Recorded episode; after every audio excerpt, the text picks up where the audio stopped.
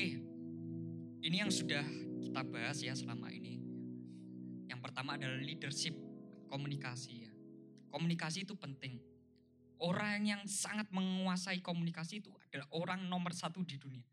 Jelas, orang yang paling hebat di dunia ini adalah orang yang menguasai komunikasi. Makanya kenapa banyak, ya kita kalau berbicara tentang politik, politik itu selalu berbicara tentang pemimpin dunia. Jadi jangan kita anti politik. Anak muda kalau pengen jadi pemimpin dunia itu nggak bisa kalau tidak melalui politik. Bener nggak? Kecuali kalau kita mau jadi contoh, uh, mungkin pemimpin di dalam bidang tertentu bukan berbicara tentang pemimpin dunia ya, bidang tertentu. Contoh pemimpin di dalam dunia broadcasting atau pemimpin di dalam eh, bidang-bidang yang tertentu, bidang-bidang lain ya menjadi trend center dan semuanya memang tidak harus lewat politik. Tapi kalau pemimpin dunia itu harus bisa menguasai politik. Dan di dalam politik yang paling hebat, yang paling kuat, yang harus dikuasai adalah komunikasi politik. Makanya ada jurusan sendiri ya di dalam universitas ya, ilmu komunikasi politik. Tidak bisa dipisahkan politik dengan komunikasi nggak bisa. Makanya orang yang paling hebat itu adalah orang yang menguasai ilmu komunikasi.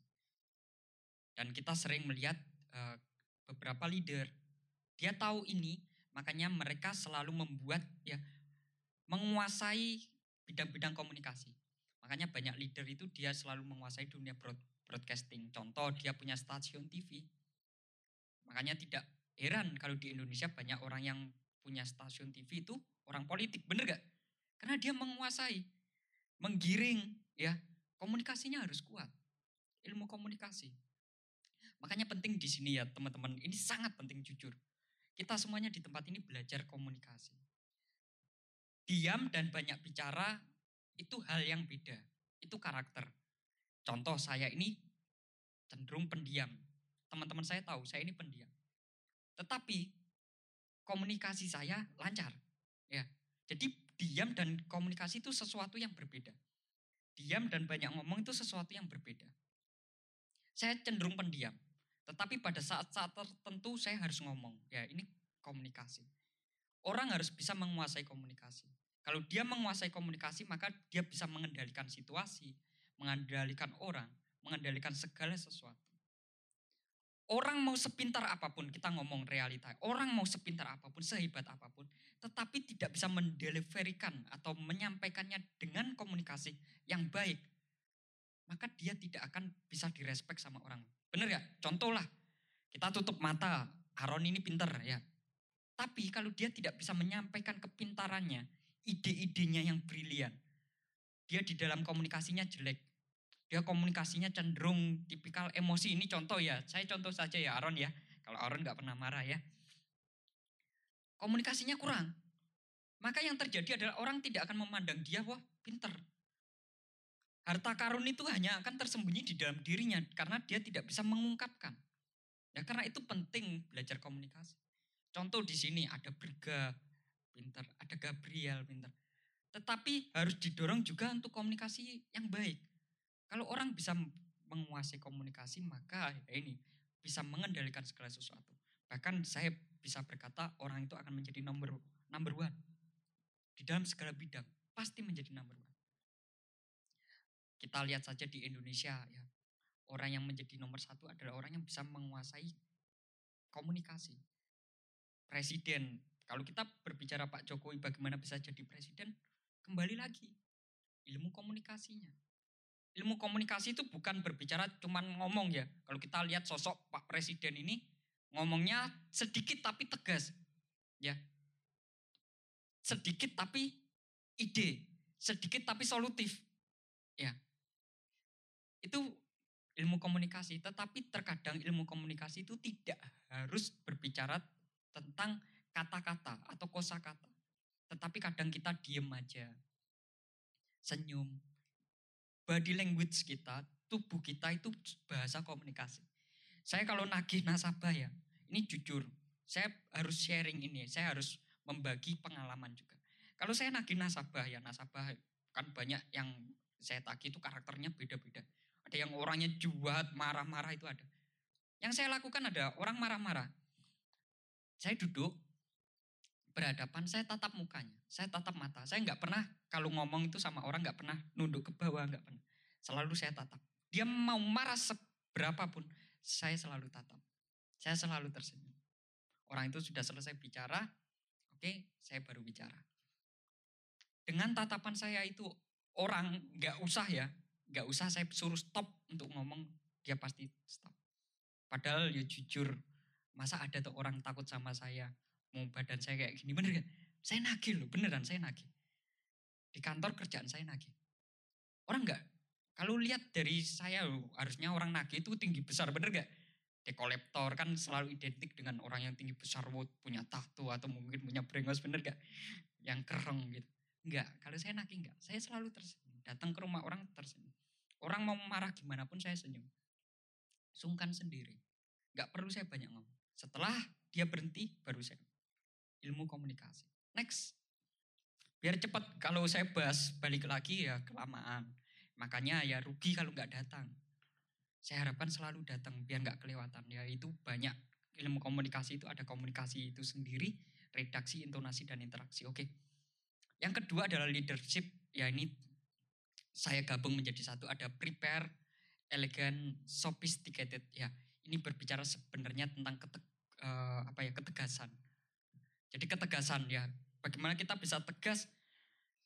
Ya mempersiapkan terlebih dahulu orang kalau tegas tetapi bicaranya kosong ya orang nggak bisa respect. Kita tegas harus persiapan dulu, persiapan apa? Kosakata, persiapan ilmu, kita harus menguasai. Contoh saya nagih, saya nggak akan ngomong ngalur ngidul. Nasabah saya mau marah-marah kayak gimana pun saya nggak akan ikut marah.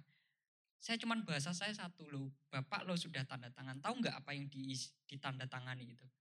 Nggak tahu ya, cuman saya jelaskan itu saja. Saya nggak ngomong, oh bapak kalau nagih gini saya takut-takut enggak.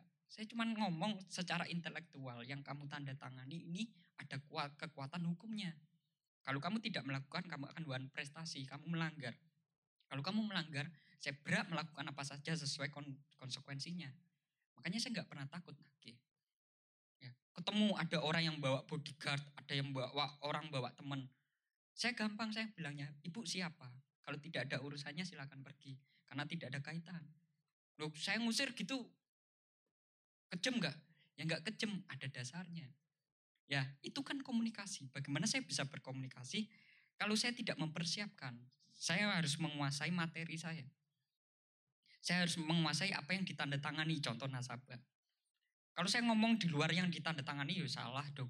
Bisa diadukan, bener gak? Diadukan ke OJK, diadukan ke mana.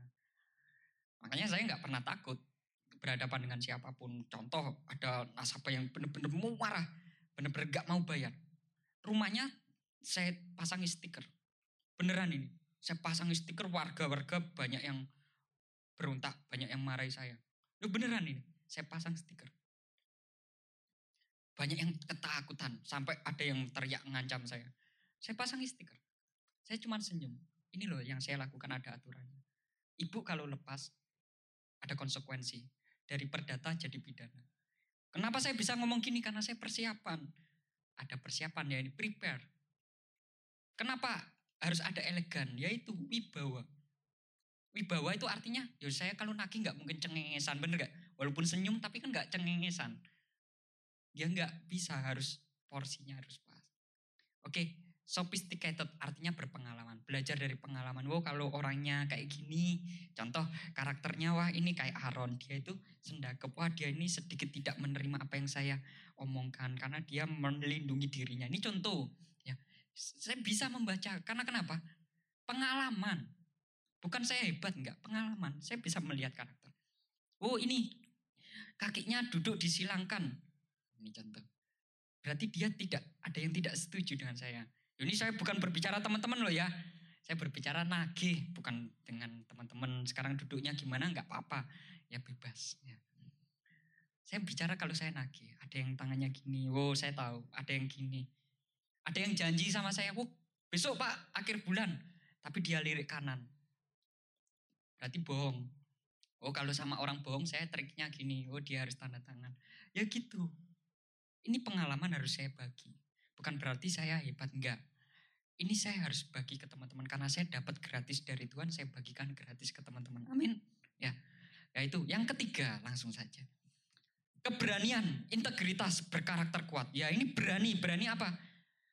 Orang tegas itu tidak boleh berdasarkan emosional.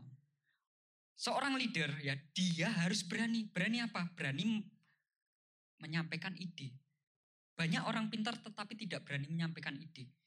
Ide itu hanya menjadi bunga tidur, jadi mimpi. Contoh ya, Mika. Mika lihat, wah saya punya ide.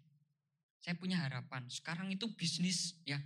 Contoh dia mau punya bisnis uh, jasa website contoh ini ya. Saya pengen bisnis bisa jasa website, bisa bikin Instagramnya orang, desain, bagaimana nanti tampilannya, layoutnya, ya thumbnailnya dan sebagainya. YouTube orang, saya bisa menjadi uh, orang yang advocate, yang kasih masukan. Dia punya ide luar biasa. Ide seperti itu, tetapi dia tidak berani menyampaikan. Dia tidak berani melakukan. Akhirnya apa? Hanya jadi bunga tidur. Dia membayangkan saja, tidak dilakukan. Tetapi kabar baiknya, ya, ide yang Tuhan taruh itu kalau dia tidak mau lakukan akan diberikan pada orang lain. Dan setiap ide akan terlaksana. Bukan kita yang melaksanakan, tetapi bisa jadi orang lain. Karena itu dorongan dari saya kalau punya ide, ayo berani. Berani tunjukkan, berani tampilkan, berani lakukan. Resikonya hanya dua, berhasil atau gagal. Bener gak? Resikonya dua, berhasil atau gagal. Kalau gagal ya sudah, coba lagi. Amin. Gagal coba lagi, jangan malu. Saya ini juga sering gagal. Saya tes universitas pernah gagal. Tes apa e, kerja juga pernah gagal. Wajar. Gak apa-apa, setiap orang punya kota untuk gagal. Ya ini saya pernah khotbah ya. Setiap orang punya kota untuk gagal. Dan alangkah baiknya kota itu kita habiskan. Kalau kota itu kota gagal itu sudah kita habiskan, tinggal yang berhasil. Bener gak? Jadi jangan takut gagal. Anak muda terkadang itu takut gagal. Itu yang membuat kita itu, ya maaf, menjadi pecundang. Tidak berani melangkah. Saya dorong semuanya nggak apa-apa. Dan di tempat ini kita harus saling support. Teman kita gagal nggak apa-apa. Contoh, main musik. Dia salah, dia mencoba aransemen salah. Nggak boleh diketawain. Bener gak? Terburuk dia sudah berani mencoba. Harus di backup. Ya contoh kalau bassnya salah di backup keyboardnya nggak apa-apa namanya masih belajar. Tetapi ada keinginan untuk terus belajar. Jadi jangan takut dimarahi. Dimarahi itu wajar. Saya di kantor sering dimarahi. Benar ini. Di dalam pelayanan saya juga sering dimarahi. Jangan takut dimarahi, jangan mudah patah, jangan mudah ceklek. Kalau mudah ceklek ya teman-teman, teman-teman tidak akan belajar banyak dalam hidup. Contoh, di tempat ini Contoh saya sebagai kakak, saya sebagai leadernya, saya marahi. Lalu pulang, nggak mau di tempat ini lagi, mungkin pindah atau gimana. Rugi sendiri, nggak akan belajar banyak, bener gak? Tetapi kalau dimarahi dia mental kuat, dapat ilmu baru. Kita harus membuka wawasan, jangan takut dimarahi. Kalau teman-teman ya, di tempat ini tidak dididik, maka akan dididik oleh alam. Kalau alam yang didik itu kejam, bener gak? Dunia yang didik itu kejam. Saya nggak nakut-nakuti, ini beneran. Kalau teman-teman tidak mau dididik di tempat ini, teman-teman akan tetap dididik, tetapi dididik oleh dunia. Contoh, di tempat ini, contoh diajarkan teknis, ya nanti kerja gimana, ngadepi bos, terus teknis wawancara gimana. Biar kerjanya beres. Kalau teman-teman contoh nggak mau dididik di tempat ini, nanti dididik di luar. Nanti dididik oleh alam. Maksudnya gimana? Di dalam kerjaan bisa jadi teman-teman akan bertanggung jawab atas apa yang dilakukan. Dididik oleh bos, dimarahi, dimaki-maki. Biasa itu. Tetapi jujur, apakah dengan kasih? Belum tentu, benar gak? Marah-marahnya apakah didasari kasih? Tetapi kalau di tempat ini saya jamin, saya pun menjaga diri saya. Kalau saya marah, saya mendidik, dasarnya adalah kasih. Di tempat ini Bapak Gembala siapa pun kita marah atas dasar kasih. Karena kita mau teman-teman bertumbuh. Tetapi tetap menjadi pilihan. Mau terima atau tidak, it's okay. Itu pilihan, tidak bisa memaksa. Teman-teman tidak mau terima, aku nggak mau bikin sama mama aja nggak pernah dimarahi. Kok sama Kak Sigit dimarahi? Ya nggak apa-apa, pilihan. Karena saya cinta, saya harus mendidik. Di tempat ini teman-teman datang, teman-teman komitmen, maka saya harus didik sesuai dengan kebenaran firman Tuhan. Oke, yang selanjutnya. Agak panjang ya saya harus membahas ini, saya review-review.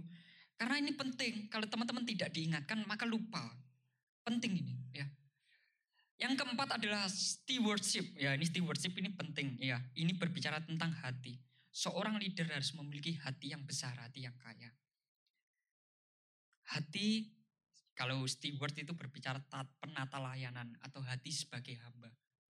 Contoh kita dipercayakan melayani Tuhan, harus humble. Kita kita harus tahu bahwa segala sesuatu yang ada di dalam hidup kita itu titipan. Kepercayaan dari Tuhan, bener gak? Contoh, saya dipercaya sama Tuhan handphone. Kalau saya tidak bisa memanfaatkan ini, memaksimalkan.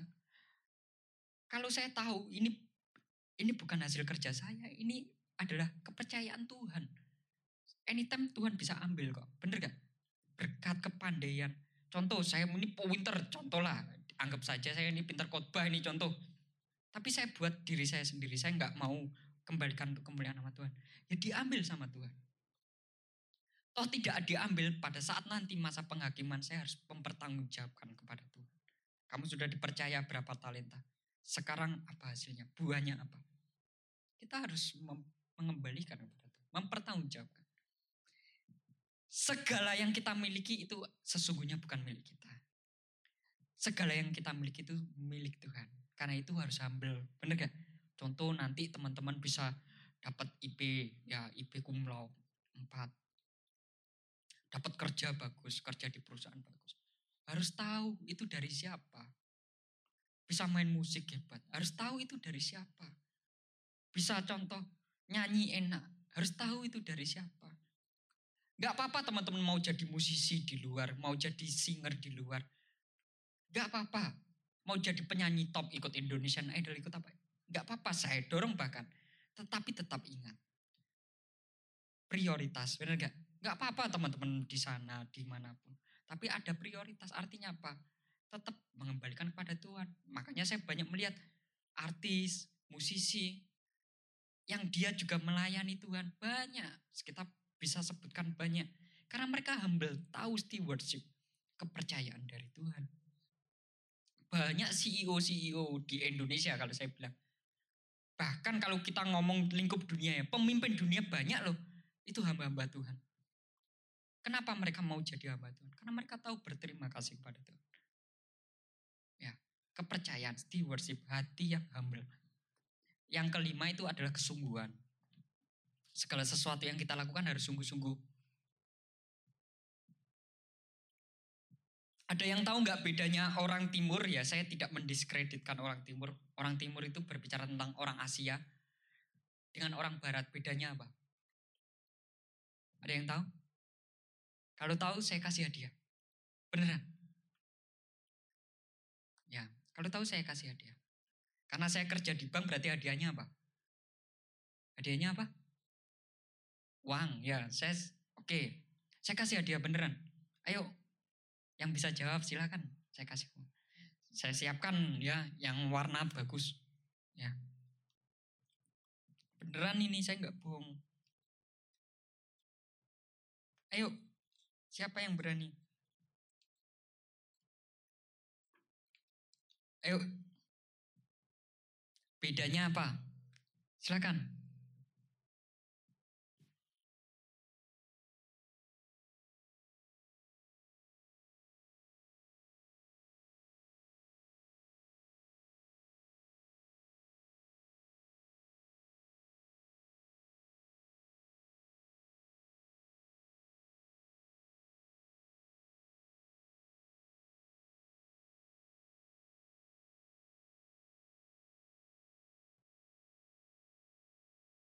Lumayan loh ya. Tapi ya nanti habis pulang gereja kalau yang dapat ya traktir dong temennya bener gak tapi kalau traktir sekian juga cukup. Ayo ya apa? Sebelah kiri dulu silakan.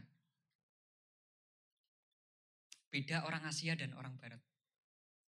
Tadi kan sudah ada tagline-nya kesungguhan ya. Ayo ayo Brika bisi-bisi atau diwakili Dio nggak apa-apa nanti berarti yang dapat Dio dong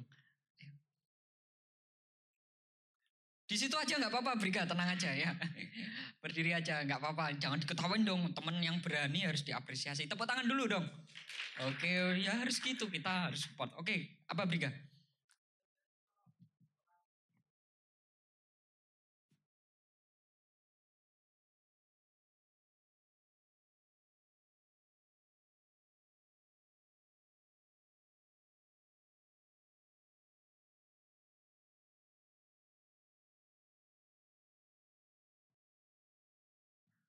Oke, yang lain?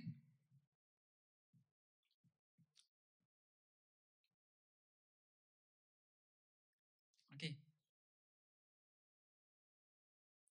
Oke, Monik. Ya, oke Monik. Ya, silakan. Ayo, berdiri Monik.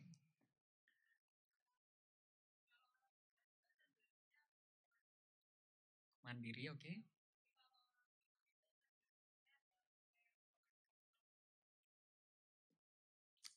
Oke. hmm. Kalau kaitannya dengan kesungguhan tadi.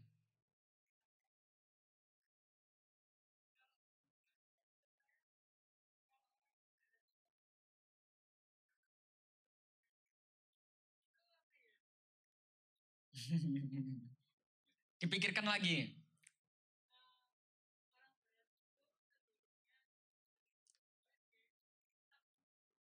Kun.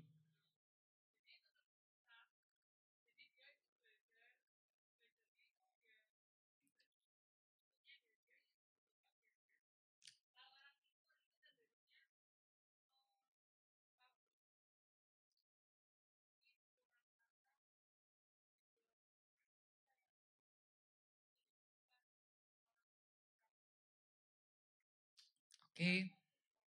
Bagus. Oke, kita berikan tepuk tangan dulu buat Monik ya. It's okay. Uh, tapi masih kurang. Ya, gak apa-apa. Coba yang lain, silakan. Ayo. Gak harus baris-baris. Ayo, silakan. Cindy. Hmm. Apa Cindy? Wow, orang timur suka menunda-nunda. Oke. Kalau orang barat berarti? Lebih rajin. Orang Jepang juga rajin. Beneran ini. Kita ngomong orang Jepang rajin. Harus fakta, eh sorry harus by data. Harus by data. Oke? Okay? Ada Ada yang lain? Oke. Okay. Ayo, silakan. Ada yang lain? Silakan. Gak ada.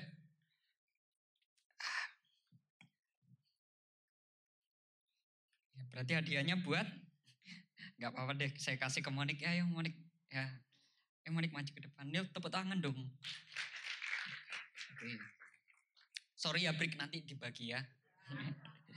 Gak apa-apa ya saya apresiasi juga Brika. Oke saya langsung aja ya. Uh, bedanya orang barat dan orang timur, orang ya western sama eastern ya uh, di dalam kesungguhan ya kalau di dalam kesungguhan itu kalau orang timur ya itu cenderung ya dia itu memang di dalam kesungguhannya itu hanya memikirkan segala sesuatunya cepat. Yang penting cepat, yang penting uh, murah ya, cepat murah. Artinya apa yang ada ya udah itu. Jadi tipikal orang Asia kita bisa melihat dari segala produk yang dihasilkan. Contoh kita ngomong dengan Cina ya. Tidak ada barang yang paling murah di dunia selain produk-produk Cina. Bener gak? Dia selalu Kenapa murah? Karena dia memangkas waktu. Dia memangkas uh, edit value, dia memangkas produksi dan sebagainya sehingga bisa cepat. Yang penting cepat, entah kualitasnya itu bagaimana urusan nanti.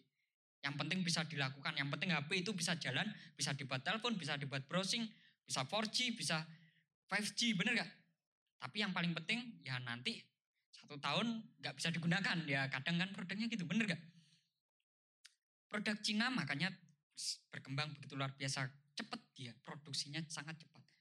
Dia tidak meng, tidak mengutamakan dari sudut pandang kesungguhan dia yang paling penting oh yang paling penting sesuai dengan target. Sesuai dengan target wis sudah. Barang jadi contoh mobil-mobil yang ada di Jepang, mobil-mobil yang ada produksi Jepang dan China ya Korea. Secara bahan ya itu sangat jauh detailnya dengan mobil-mobil Eropa dengan mobil-mobil Amerika. Benar gak? Secara detail sangat berbeda. Contoh tabrakan ya mobil Toyota, Honda tabrakan dengan mobil Chevrolet buatan Amerika. Mobil Jepang itu safety-nya gimana kita tahu sendiri benar gak? Hancur berkeping-keping. Karena tidak dipikirkan detail. Dia yang paling penting bisa digunakan dan murah. Karena tipikal orang Asia adalah ya itu digunakan dan murah. Tapi kalau Eropa, kita tahu mobil Eropa itu sangat detail. Kita naik Mercy, kita naik BMW ya. Itu nyamannya bisa kerasa. Ya. Segala detailnya ada. Detail ya, kalau kita bilang teknologi, Jepang nggak kalah teknologi. Tapi detail. Makanya kenapa pesawat pembuatannya itu Jerman. Orang Jerman itu detail. Ya kita tahu ya Jerman itu adalah negara Kristen. Jangan salah loh, Jerman itu negara Kristen. Ya. Uh, penginjilan di sana sangat luar biasa. Negara Kristen berdiri Jerman itu berdiri atas ya kepercayaannya kepada Tuhan. Negara Kristen mereka. Makanya ada apa? Uh, sorry, penginjilan tipikal tipikal yang seperti contoh apologetik ya dan sebagainya. Itu sebenarnya dasarnya belajarnya di uh, belajarnya di Jerman.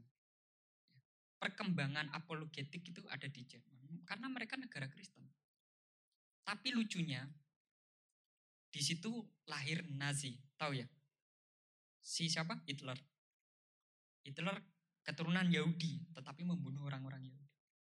Karena yaitu kekristenan diselewengkan.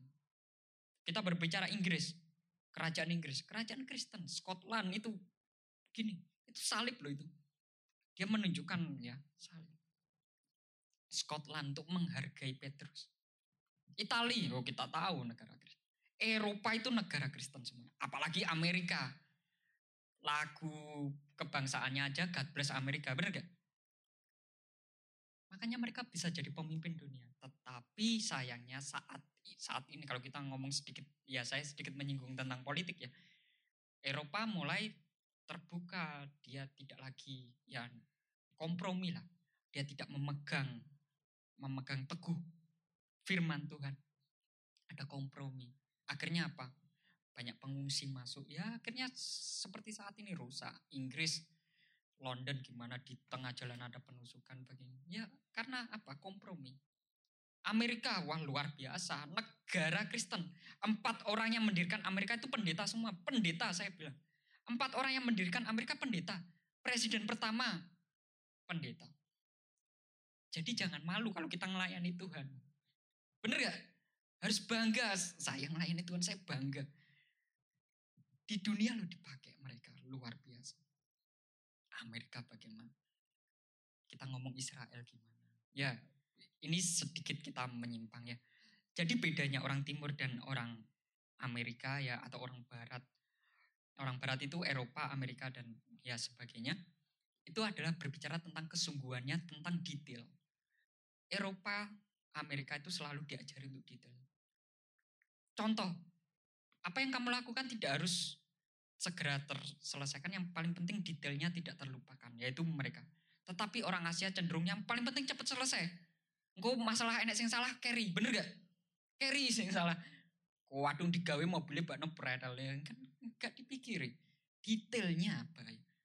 Kuadung dipakai keamanannya bahaya. Remnya belum dan ya kan bahaya. Amerika enggak dipikiri detail. Ya saya minta benar-benar anak-anak muda di tempat ini diajari detail. Benar-benar diajari detail. Bahkan contoh saya sering ngomong dengan pemain musik. Kalau bisa zero mistake. Contoh main keyboard. Detail. Detail apa? Sama-sama chordnya G, sama-sama Do. Tapi kalau memang harus ada do on fa, ya harus ada do on fa. Jangan sampai lupa. Kadang mungkin orang di luar, wah apa toh mas beda nih. Orang luar dengarnya nggak ada beda nih. Tapi kalau kita sama-sama musisi tahu, detail kecil itu. Makanya perkembangan musik gospel begitu luar biasa. Dia bisa tahu ada sus, ada tujuh, ada waduh, sangat lebih detail. Sangat menguasai. Ya karena memang dia itu mempelajari detail. Karena itu anak-anak di tempat ini semasa kita muda harus dipelajari detail, detail benar-benar penting. Makanya kita belajar di dalam pelayanan selalu diingatkan. Contoh dulu kayak Monik nyampaikan ke saya, Kak, saya punya ide pakai alat. Contoh pakai bendera, contoh pakai bunga.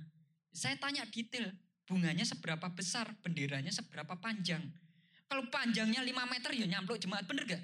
Ya kan detail, orang gak mikir gitu. Kalau saya tolak, mungkin Monik ya, punya pemikiran lu Kak Sigit itu membatasi ide. Saya nggak boleh pakai alat, nggak boleh pakai bendera. Saya tidak seperti itu. Yang saya pikirkan detail, mikir tidak. Nanti jemaatnya gimana, keganggu nggak, bener nggak? Ya itu harus dipikirkan. Di tempat ini kita diajarkan detail. Memutuskan segala sesuatu detail. Memilih bahkan, saya sering sampaikan ya, bahkan ya di gereja kita, milih parfum itu dipilih loh. Jujur, AC suhunya berapa kita perhatikan dengan baik. Kapan AC itu harus nyala sebelum ibadah diperhatikan. Enggak main-main bener. Karena di sini Bapak Gembala ngajarkan kita detail. Broadcast kata-katanya salah, pernah nggak saya marah? Saya selalu marah. Karena kenapa detail? Broadcast aja loh, kak apa atau bedanya broadcast? Kadang orang nggak baca, bener nggak? Yang dibaca, wow ibadah pemuda ya wis. Enggak, kita persiapkan dengan detail kata-katanya ayatnya, gambar bahkan. Beruntung teman-teman di tempat, jujur beruntung di tempat ini diajari. Oke, sudah lama ya prolognya panjang sekali ya. Kita bahas singkat saja tentang kebijaksanaan.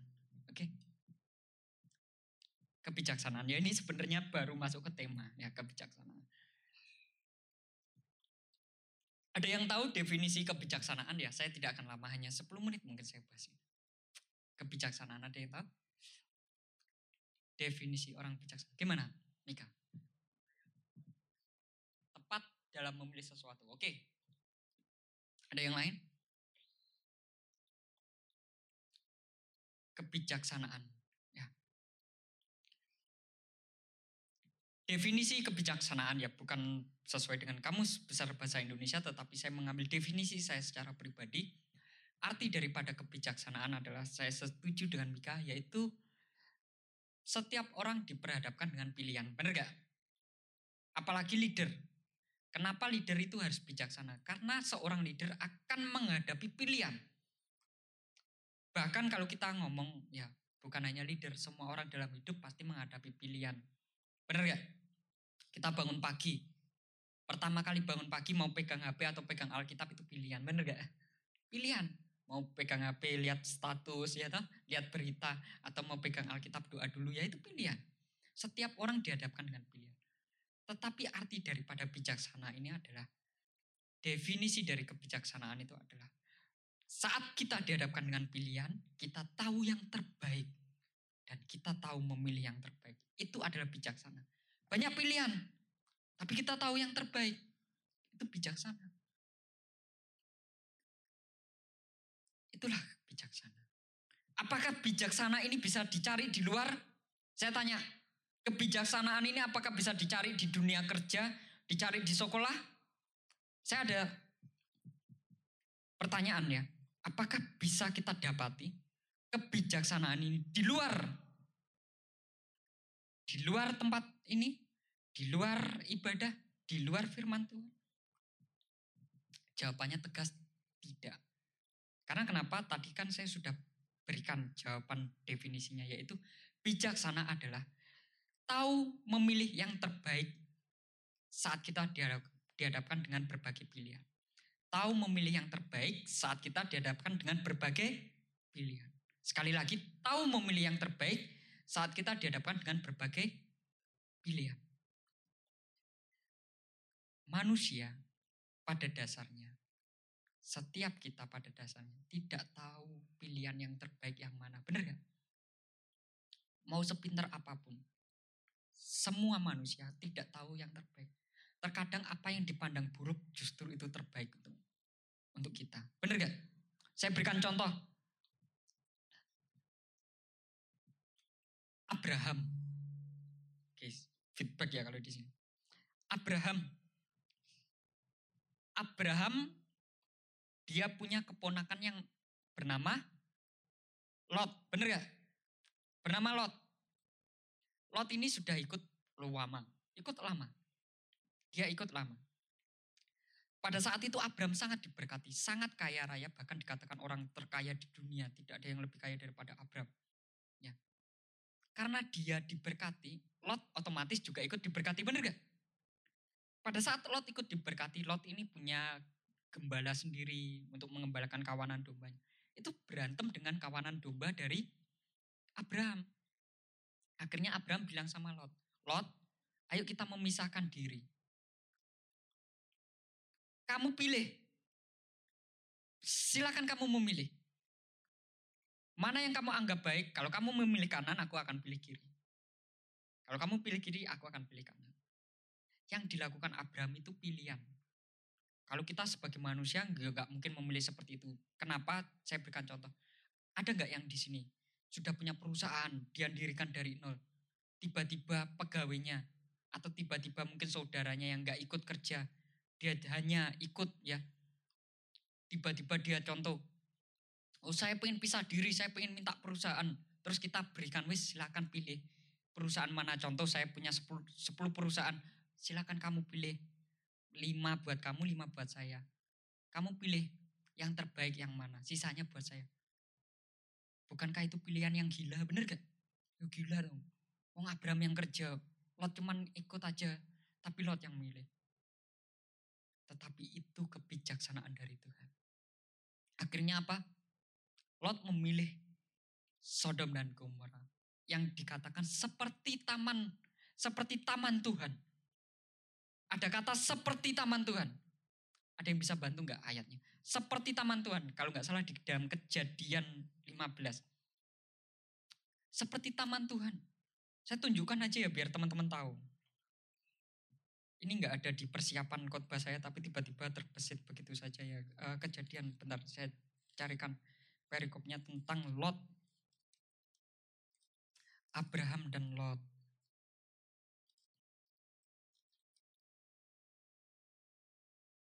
Hmm, kejadian berapa? Ada yang tahu? Sorry, kejadian 13. Itu perikopnya Abraham berpisah dengan Lot. Ayat yang ke-10 aja, ayat ke-10. Ya ini loh, manusia itu kadang dia itu memilih apa yang dianggap baik, tapi terkadang belum terbaik. Makanya kalau putus cinta itu jangan bunuh diri, ya toh. Apa yang kita anggap baik belum tentu yang terbaik. Ya, di sini siapa yang galau? Masih muda, putus cinta galau. Seakan-akan kehilangan masa depan. Ya jangan dong. Masa depan masih panjang kok. Bener gak? Ya, jangan galau. Gak keterima universitas langsung marah sama Tuhan. Benci sama Tuhan. Ya jangan. Apa yang kita anggap baik belum tentu yang terbaik. Amin. Di sini ya saya bacakan. Lalu Lot melayangkan pandangannya dan dilihatnya bahwa seluruh lembah dan banyak airnya. Maka taman Tuhan, ah sorry seperti taman Tuhan. Seluruh lembah Yordan banyak airnya seperti taman Tuhan.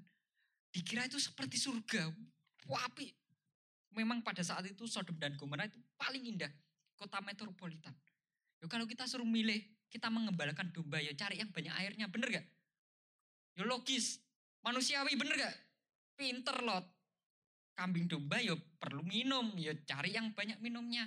Pilihannya banyak air atau padang gurun. Pilihannya itu loh. Ya lot secara manusia dia milih yang banyak air. Ya, domba mau dibawa ke padang gurun ya gila dong. Seperti tanah Mesir sampai ke Zoar, hal itu terjadi sebelum Tuhan memusnahkan Sodom dan Gomora. Gak tahu. Jeda beberapa tahun dihancurkan oleh Tuhan. Diporak-porandakan hancur berkeping-keping. Benar gak Sodom dan Gomora? turun ya sama Tuhan dihancurkan melalui batu api dari surga. Hancur. Apa yang kita anggap baik belum tentu terbaik. Kita pengen Tuhan memutuskan nggak bijaksana. Tuhan ini yang terbaik. UB ini Tuhan yang terbaik bagi saya Tuhan. Gak keterima marah sama Tuhan. Gak aku gak mau melayani. Kata Kak Sikit melayani nanti sama Tuhan dikasih diberkati. Oh, saya minta UB gak dijawab. Marah sama Tuhan. Oh saya pengen jadi tentara. Gak dijawab sama Tuhan. Marah.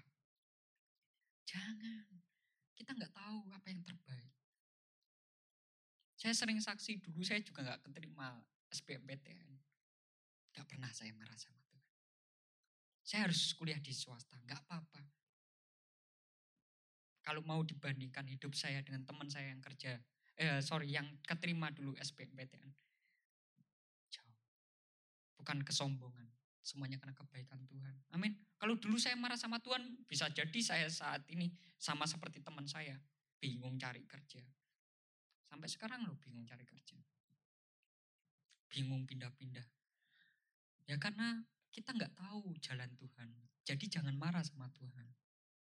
Oke? Ya. Yang dilihat oleh Abraham apa? Padang gurun. Tetapi dari situ diberkati. Dan kita tahu apa yang dilihat oleh Abraham itu ada tanah Israel. Dan dari tanah itu sampai saat ini tanah itu diperebutkan oleh tanah Israel. Karena semua jenis buah-buahan, semua jenis sayuran bisa tumbuh di sana tanah yang paling diberkati di muka bumi sampai pada saat ini. Di sana banyak sekali kandungan minyak, banyak. Kalau kita mau ngomong tentang kandungan apa pun yang ada di dalam. Yaitu kita nggak tahu apa yang kita pandang jelek ternyata butuh kebijaksanaan. Karena itu ayo kita tutup firman Tuhan pada malam hari ini dengan ayat di dalam Amsal 1 ya ayat 1 sampai ayat yang ke-7. Kita baca bersama-sama ya ini sebagai penutup ya. Sudah terlalu panjang 45 menit saya khotbah. Kita tutup baca ayat ini ya. Tim musik maju ke depan ya. Eh silakan maju ke depan. Kita akan buka ya dibuka Alkitabnya. Saya akan buka, saya akan baca ya. Ayat 1 sampai ayat yang ke-7. Amsal 1 ayat 1 sampai ke-7. Poin yang mau saya sampaikan itu ada di ayat yang keempat ya. Broadcast saya tadi ada yang di ayat yang keempat. Tetapi kita mau baca ayat yang pertama sampai ayat yang ketujuh. Kita akan baca bersama-sama. Ya. Ayat yang pertama sampai ayat yang ketujuh. Oke, puji Tuhan sambil musik mempersiapkan ya. Oke, Nah, kita baca bersama-sama ya. Satu, dua, tiga. Amsal-amsal Salomo bin Daud, Raja Israel. Untuk mengetahui hikmat dan didikan, untuk mengerti kata-kata yang bermakna, untuk menerima didikan yang menjadikan pandai, serta kebenaran, keadilan, dan kejujuran. Ayo baca sama. Untuk memberikan kecerdasan kepada orang yang tak berpengalaman, dan pengetahuan serta kebijaksanaan kepada orang muda. Baiklah orang bijak mendengar dan menambah ilmu dan baiklah orang yang berpengertian memperoleh bahan pertimbangan. Ayat yang keenam, untuk mengerti amsal am dan ibarat, perkataan dan teka-teki orang bijak. Takut akan Tuhan adalah permulaan pengetahuan, tetapi orang bodoh menghina hikmat dan didikan. Semuanya diberkati dengan firman Tuhan pada malam hari. Amin. Siapa yang diberkati? Angkat tangannya. Amin. Saya diberkati dengan firman Tuhan. Butuh kebijaksanaan. Dan kebijaksanaan itu tidak didapati di luar. Orang mau sepintar apa pun, sepengalaman apa pun. Kalau dia memutuskan segala sesuatu berdasarkan pemikiran manusia, hikmat manusia, maka dia bisa jatuh. Teman-teman tahu enggak ya? Manusia di dalam firman Tuhan diibaratkan sebagai hewan apa? Dom? Domba, bener gak? Setuju? Diibaratkan sebagai dom. Domba adalah satu-satunya hewan yang tidak memiliki alat perlindungan diri. Tahu nggak? Domba itu adalah hewan yang sangat lemah, tidak memiliki perlindungan diri. Dan salah satu kelemahannya adalah pandangan daripada domba ini hanya terbatas 3 meter. Sejauh lebih daripada 3 meter, dia akan blur. Blur tahu ya? Gak terlihat dengan sempurna. Itu berbicara tentang manusia. Manusia bisa memberikan rencana, bisa membuat planning. Oh saya setelah kuliah, setelah lulus kuliah, setelah kerja saya mau melakukan ini dan itu. Tetapi seberapa banyak rencana kita menjadi kenyataan? Banyak yang gagal juga, benar gak? Harus didasari dengan firman Tuhan. Ya. Karena itu teman-teman ya, karena itu saya meminta ya, ayo kita berserah kepada Tuhan, memohon nikmat kepada Tuhan. Di dalam segala hal saya selalu selalu mendasarkan segala sesuatu sesuai firman Tuhan. Benar, segala sesuatu yang saya lakukan, saya selalu berkaca kepada firman Tuhan. Ada gak ya contohnya di dalam firman Tuhan? Contoh, pada saat saya diperhadapkan dengan masalah ekonomi ini, contoh, ada nggak ya di dalam Bible story orang yang kekurangan? Ceritanya gimana ya harus melakukan apa? Jadi firman Tuhan ini jadi cerminan bagi saya. Karena saya menganggap firman Tuhan ini adalah sama seperti kalau kita beli handphone, beli mobil ya itu ada buku panduan. Bener gak? Tahu ya? Gunanya buku panduan itu adalah memaksimalkan potensi dari apa yang kita beli. Mobil ada buku panduannya. Kalau kita pengen bisa maksimal, di dalam buku panduan itu ada. Servisnya harus berapa kilometer, bener gak? Ada buku panduannya Handphone juga ada loh, bener gak? Ada kan? Apa namanya buku apa ya? man, manual book. Ada manual booknya. Handphone juga ada. Harus di charge berapa lama. Bener gak? Sebelum dipakai. Seberapa banyak kita sih yang baca manual book? Beli yang paling penting handphonenya. Bener gak? Jangan. Manual book itu berfungsi. Kalau ada error, buka manual book. Kalau pengen memaksimalkan handphone, buka manual book. Begitu pula hidup. Saya pengen hidup saya maksimal. Caranya gimana? Ya saya baca firman Tuhan. Firman Tuhan minta saya gini, saya harus. Saya ada masalah, ada trouble. Saya buka firman Tuhan. Ini jawaban dari segala jawaban. Wong kita hidup manusia. Penciptanya siapa? Tuhan. Tetapi Tuhan kasih manual book, nggak pernah dibuka. Aduh ya, kasihan. Coba sekarang, teman-teman punya mobil Toyota, tapi buka manual booknya udah. Ya rusak mobilmu, bener gak? Rusak, tiap mobil punya potensi masing-masing. Penciptanya sudah memberikan manual book, ya dibaca dong. iPhone, ada manual booknya. Tapi manual booknya pakai Android. Ya rusak bro. Sama-sama bagus. Tapi penciptanya beda. Kalau saya bisa tanya penciptanya, saya tanya langsung. Tetapi puji Tuhan, penciptanya memberikan manual book. Inilah sumber kebijaksanaan. Makanya saya tidak takut melangkah. Dalam saya mengambil keputusan, saya selalu. Kadang saya harus marah sama orang. Marah maksud saya memberikan ketegasan. Dan sering loh saya dibenci orang karena ketegasan. Banyak orang yang benci sama saya. Di dalam pelayanan saya tegas. Banyak orang yang akhirnya tersinggung benci marah sama saya banyak saya. Di kantor saya tegas. Banyak yang marah sama saya, banyak. Tapi saya mengambil sesuai dengan firman Tuhan. Saya tanya sama Tuhan, apa yang saya lakukan ini sesuai gak toh Tuhan? Saya kalau ngambil kepilihan kayak gini, sesuai gak? Mereka ngomong, orang yang berbeda pendapat dengan saya. Ngomong, saya kayak gini karena alasan saya gini. Kadang masuk akal. Tetapi saya selalu berkaca, yang dia lakukan ini sesuai nggak toh? Ada contohnya nggak toh dalam Alkitab? Kalau nggak ada contohnya, saya nggak mau niru mereka. Ada contohnya nggak toh melawan pemimpin? Ada contohnya nggak toh memberontak? Contohnya di firman Tuhan yang mana? Sisi yang berpihak pada Tuhan atau sisi enggak? Saya selalu ambil itu dalam firman Tuhan. Ada nggak orang bersungut-sungut itu di dalam firman Tuhan gimana? Ini loh penting. Ya, karena itu saya dorong semuanya baca firman Tuhan. Gampang. Terkadang kita nggak tegas. Contoh, saya bisa kok orang itu bisa banyak yang suka saya. Caranya apa? Saya turuti perkataan mereka. Saya turuti ide mereka. Tapi saya nggak mau. Saya nggak mau jadi orang yang populer, nuruti orang, akhirnya orang senang sama saya. Oh sedikit baik, apa-apa diiyakan. Saya nggak mau.